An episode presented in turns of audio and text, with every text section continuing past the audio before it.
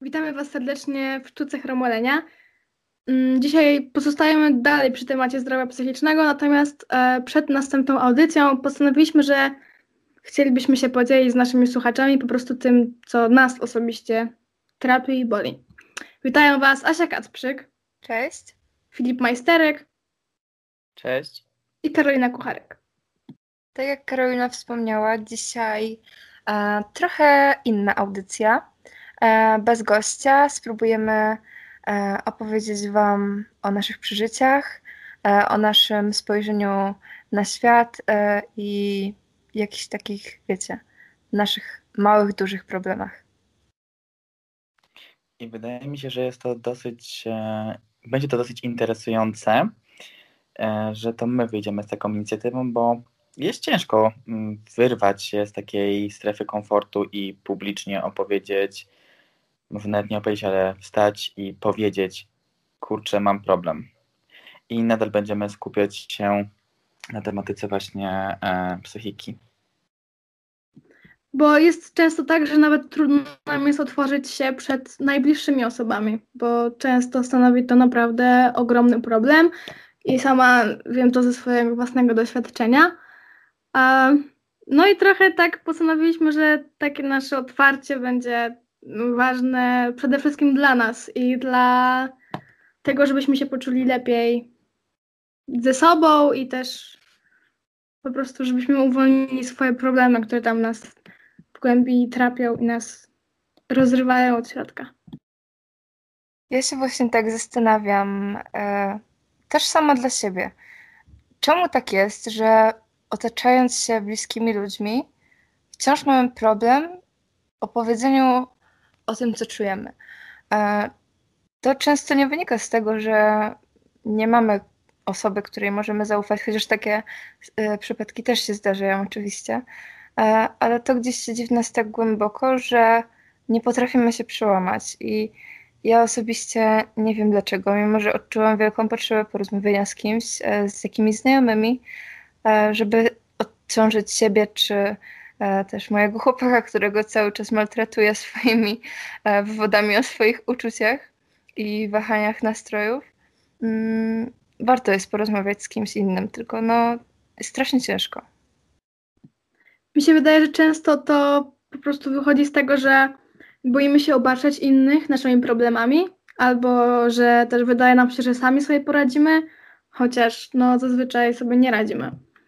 Nie wiem, ja ze własnego doświadczenia mogę powiedzieć, że bałam się powiedzieć, a w sensie teraz to ja mówię zazwyczaj otwarcie o tym, co czuję, jakie mam problemy, jeżeli chodzi o znajomych i mojego chłopaka, bo na przykład przed rodzicami bardzo ciężko nadal jest mi się otworzyć, bo jest to po prostu ciężkie, że nie wiem, mam wrażenie, że oni mogą się poczuć, że jakoś mnie zawiedli jako rodzice, skoro ja mam jakieś problemy, jakiekolwiek, bo nie mam bardzo dobry kontakt z rodzicami, ale jednak jeżeli idzie o powiedzeniu im o tym, że źle się czuję psychicznie, to mam jednak z tym problem.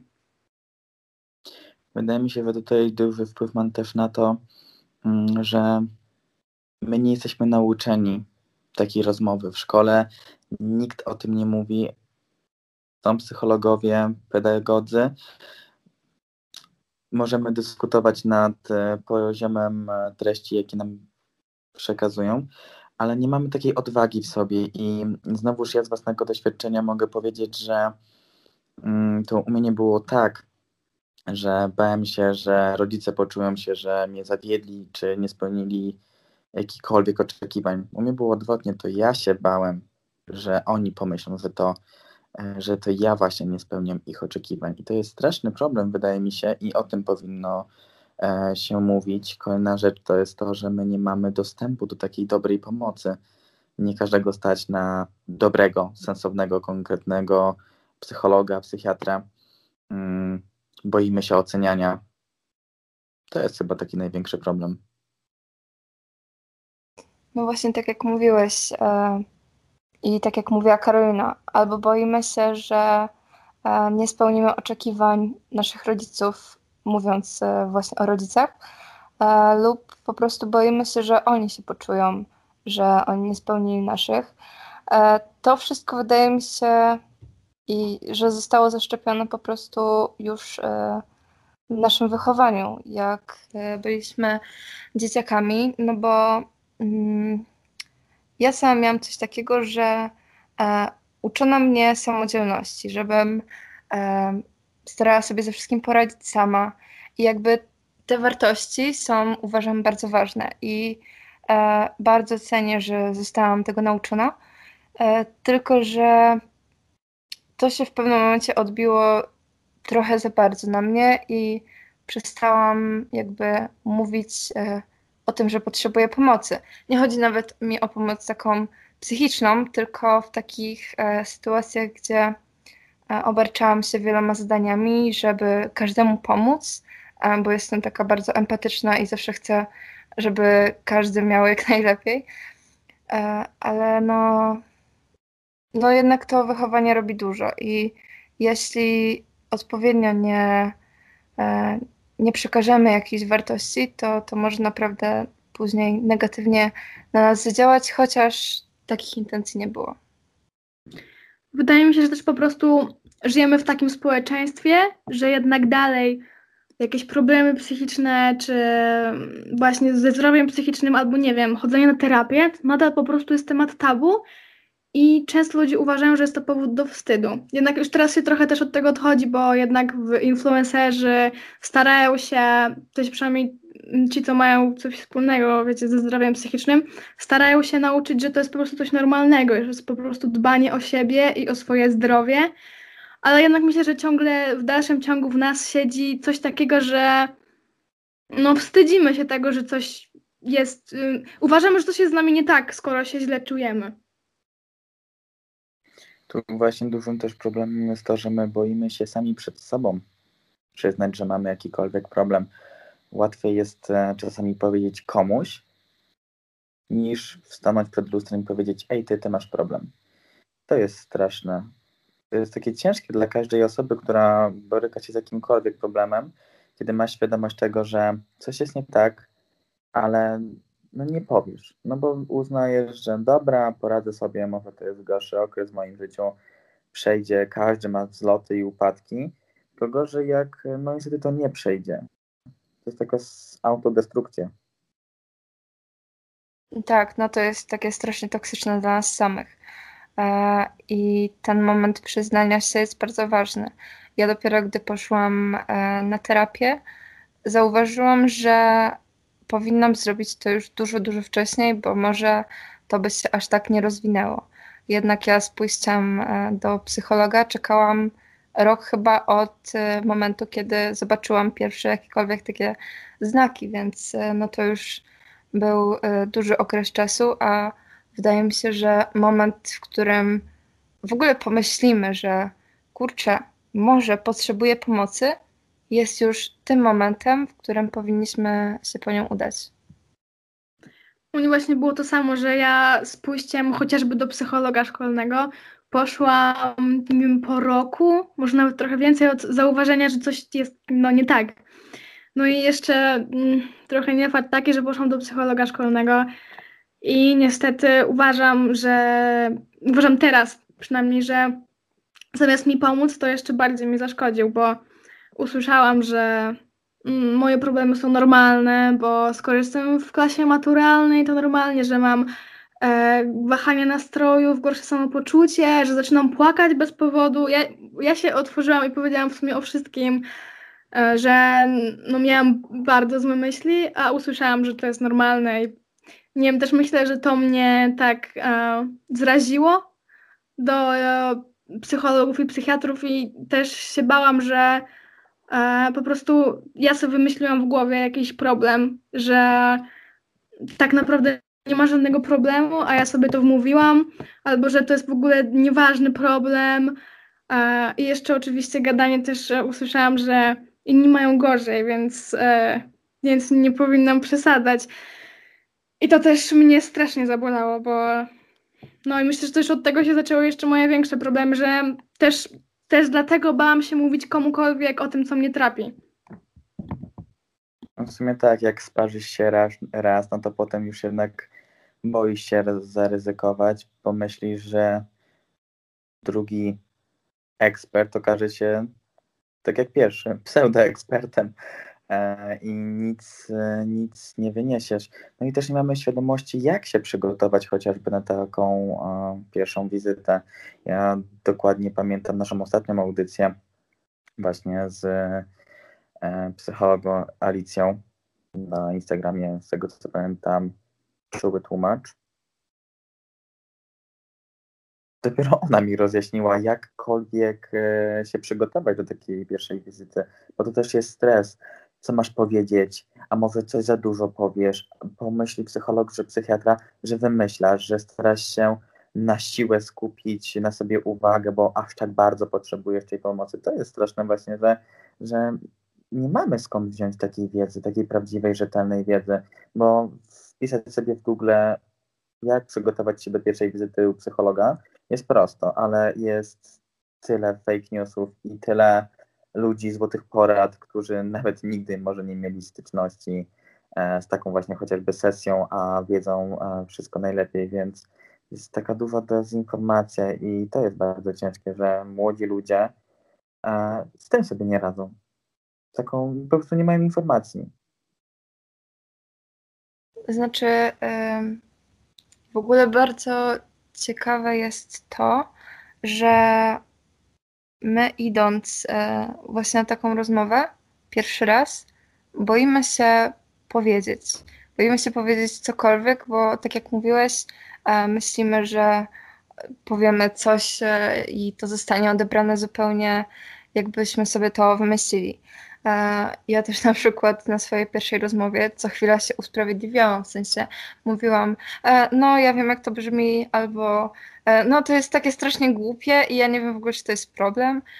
I później ten lekarz mi mówił, tak, jakby to jest normalne i nie usprawiedliwiaj tego, co mówisz, no bo to są twoje uczucia i ty to czujesz i to jest jakby normalne. Nikt nie ma prawa powiedzieć ci, że to, co czujesz, sobie wymyśliłaś?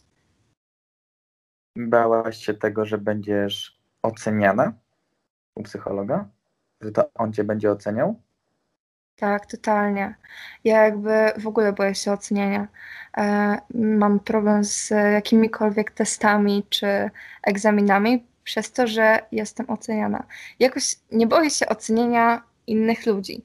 W sensie nie mam problemu z tym, że o, ktoś sobie coś o mnie pomyśli, no bo mnie to tak naprawdę nie interesuje, jakby, e, ale kwestia przyznania się i chyba usłyszenia tej takiej prawdy była najgorsza.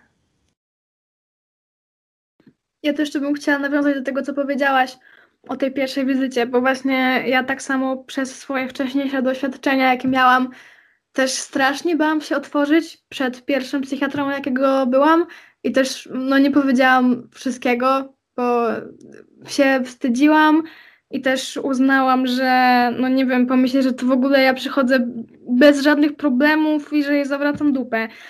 No i w ogóle jak, jak poszłam dopiero do drugiego psychiatry, e, jak pierwsze pytanie jakie było, to dlaczego pani do mnie przyszła, z czym jest problem? A ja mówię, problem jest taki, że nie ma żadnego problemu.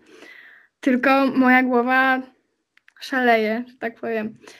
I właśnie ta, e, ta psychiatra mnie uświadomiła w ogóle, że problem nie musi być w teraz, w teraźniejszości z tym, że no nie wiem, nie musi być żadnego źródła moich problemów takiego w teraźniejszości, tylko że we mnie może siedzieć mała Karolina, która ma jakiś problem z tym, co się wydarzyło, nie wiem, w dzieciństwie, albo no nie wiem, z czymkolwiek, a na przykład, że powiedzmy, że mój mózg teraz to wypiera i udaje, że tej w ogóle czegoś takiego nie było i tak, no i nie wiem, to mi dało strasznie dużo do myślenia.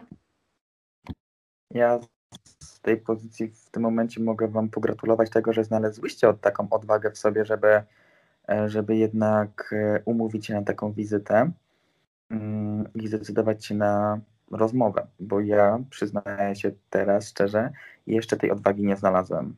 Mam mam świadomość tego, że mam problemy, tyle że uważam, że sam sobie z nimi poradzę. I to jest, to jest cholernie złe, e, jakby zostawianie sobie na głowie rzeczy, z którymi sobie nie radzisz, tylko dlatego, że uważasz, że potem sobie poradzisz. Tyle, że one nie odchodzą. Odchodzą na, na dzień, dwa, trzy, no i niestety wracają. To ja szczerze mówiąc jeszcze do niedawna miałam takie podejście. Myślę, że gdyby nie to, że wy mnie namówiliście na wizytę gdziekolwiek i mój chłopak też strasznie na to naciskał, to myślę, że dalej bym mm, trzymała ten problem w sobie i w żaden sposób bym go nie próbowała uwolnić ani rozwiązać, bo wiadomo, że jak walczysz z jakimś problemem dwa lata i się nie udaje, to raczej już ci się nie uda. Jeżeli chodzi o psychikę, to ona jest tak skomplikowana, że no jednak ciężko jest poradzić sobie samemu.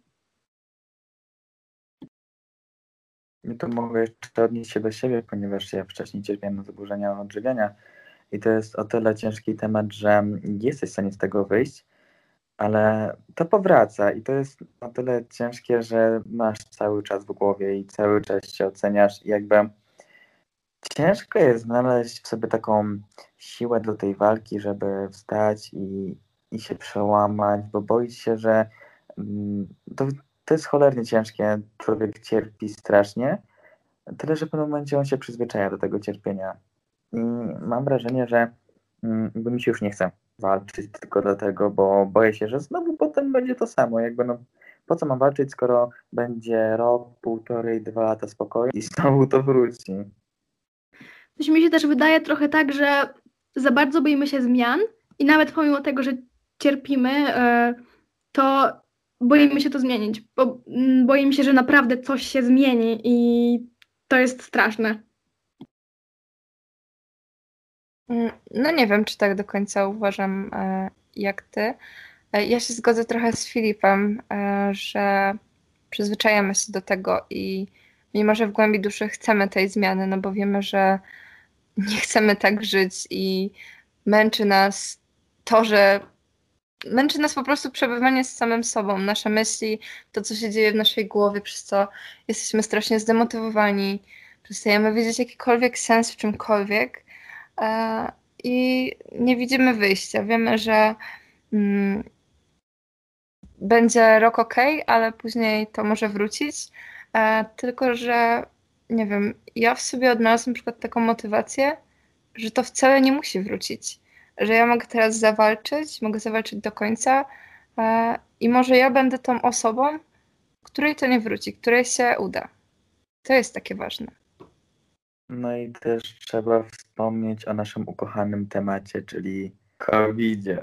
Pandemia. No niestety nie oszukujmy się, teraz dostęp do czegokolwiek, jakiejkolwiek pomocy e, jest utrudniony strasznie. Wcześniej już było ciężko dostać się na jakąkolwiek wizytę, a teraz przez telefon jest strach jeszcze większy, więc y, boisz się zaufać osobie, której nie widzisz. Bo ja na przykład jestem wzrokowcem i strasznie e, zwracam uwagę na, na mimikę twarzy, na gesty, e, bo jestem w stanie odebrać, czy ktoś jest zainteresowany rozmową, czy jest zestresowany, czy jest pewien siebie, czy, czy czuje się dobrze, czy nie. Tutaj jestem pozbawiony tego, e, tego, tego wglądu na takie małe, drobne gesty, które jednak e, są dosyć ważne i wydaje mi się, że to też jest chyba taki minus tego, że no, gdzieś ciężki dostęp teraz. Tak, no kwestia teleporad e, jest bardzo ciężkim tematem. Z jednej strony jakby rozumiem to, bo no bo jest to jakiś sposób na uniknięcie tego kontaktu z drugim człowiekiem, ale no wydaje mi się, że na przykład rozmowy wideo mogłyby być trochę lepszym rozwiązaniem. Wiem, że niektóre, niektórzy psychologowie tak działają e, i ludzie mają takie terapie e, na kamerkach i to jest, wydaje mi się, trochę lepsze niż e, rozmowa przez telefon, no bo ja sobie na przykład siedzę, rozmawiam pół godziny z lekarzem, rozłączam się i, i co dalej? Ja jestem dalej tą samą osobą, nic jakby się nie zmieniło, bo nie widziałam tej reakcji, nie, nie mogłam jakby przekazać w 100% tego, co chciałam, bo byłam w jakiś sposób ograniczona. No bo jednak e, też pokazujemy e, naszą twarzą, naszą, naszymi gestami to, co czujemy i często nie potrafimy wyrazić słów, dlatego takie pokazanie czegoś e, lekarz potrafi za, za, przez to, że pokażemy, lekarz wyłapie i, i może nas e, o coś dopytać, gdzie teraz e, takiej możliwości nie ma. To też jest ciężkie przez to, że no nie widzimy, z kim rozmawiamy i nie wiemy, czy ten ktoś poświęca nam uwagę w 100%, czy po prostu ma telefon przy jednym uchu, a robi zupełnie co innego. Bo jednak jak są mm, takie sesje, gdzie jesteś w gabinecie, to jednak widzisz i reakcję, i widzisz twarz tej osoby i możesz po prostu widzieć wszystko, bo jednak kontakt z drugim człowiekiem, kontaktu z drugim człowiekiem nic nie zastąpi. A przez telefon to jest bardzo ciężkie. No bo słyszysz, nie wiem, dźwięki z ulicy, coś tam i to, i to cię już potrafi rozproszyć, jak rozmawiasz przez telefon. No bo nie wiem, ja rozmawiałam przez telefon, a tutaj w międzyczasie, nie wiem, tutaj na, na telefonie ktoś do mnie napisał albo cokolwiek. Jednak jest się ciężko skupić na takiej rozmowie, gdzie masz wokół tyle rzeczy, które cię rozpraszają, a nie widzisz osoby, z którą rozmawiasz. Zdecydowanie się zgadzam. I jeszcze może tak odbiegając od tematu e, wizyt, uważam, że też e, dużym problemem jest ta niewiedza ludzi, ponieważ moim zdaniem większość osób myśli, jeżeli słyszy słowo depresja, to przed oczami mają mega smutną osobę, która leży w łóżku pod kołdrą, nie je, nie pije, płacze, jest po prostu ścina na twarzy. Bullshit, jeden wielki bullshit. Ludzie, którzy cierpią na depresję, są wśród nas, świet, są świetnymi aktorami, świetnie udają i e, naprawdę trzeba się skupić, żeby zauważyć, że, że coś może być może być nie tak, jeżeli ta osoba nam po prostu o tym nie powie. No bo to też często jest tak z depresją, że mm, nawet jak jesteś smutny, to nie jesteś smutny cały czas. Tylko normalnie potrafisz się śmiać ze znajomymi, e, bawić się i to nie, niekoniecznie depresja oznacza unikanie jakiegokolwiek kon, kon, kontaktu ze światem i z, ze swoimi znajomymi. E, tylko czasami po prostu najczęściej jest tak, że bywają takie momenty jakiegoś smutku, który cię ogarnie bez powodu, jakieś nagłe, po prostu nagłe złe samopoczucie i po prostu dzieje się wszystko to najgorsze. I nie wiem, ja uważam często, że ja uważam też, że mm, ciężko jest mm, powiedzieć, co jest objawem depresji na przykład.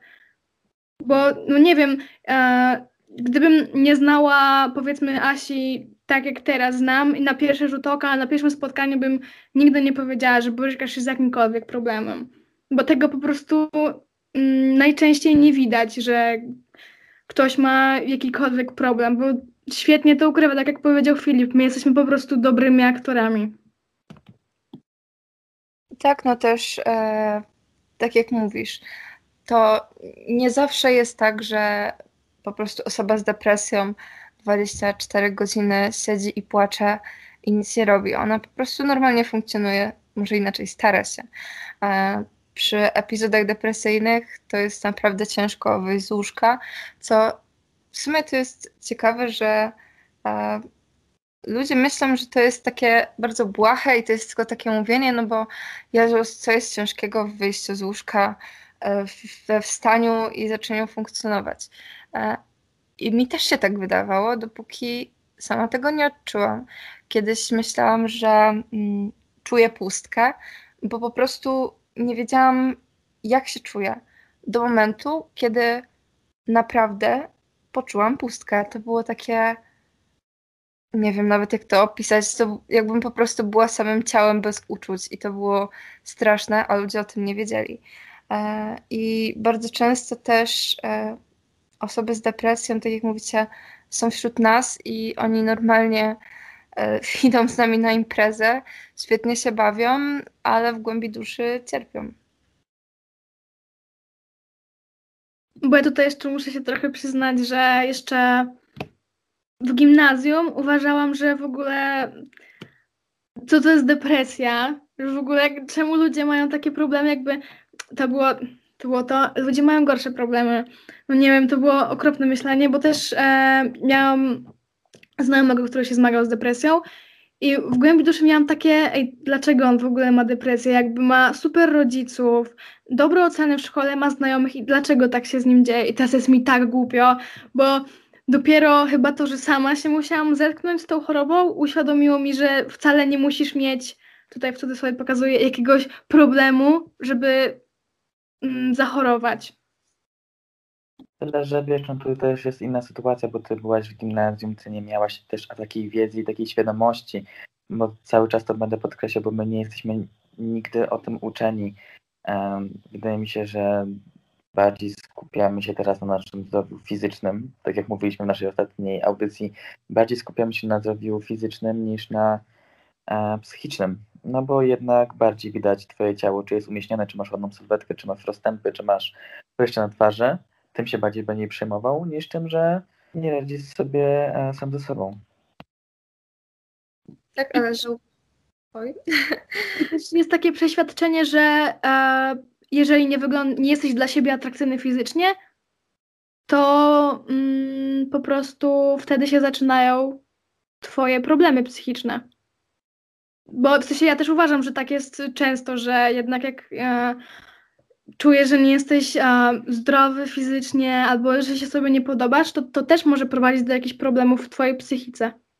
Tak, no bo właśnie zauważcie, że e, czemu my się tak skupiamy na nawet nie na zdrowiu fizycznym, no bo na zdrowie fizyczne jakby wchodzi e, wiele rzeczy, ale na naszym wyglądzie. Czemu tak bardzo dążymy do tego, żeby mieć idealną sylwetkę, żeby podobać się innym ludziom?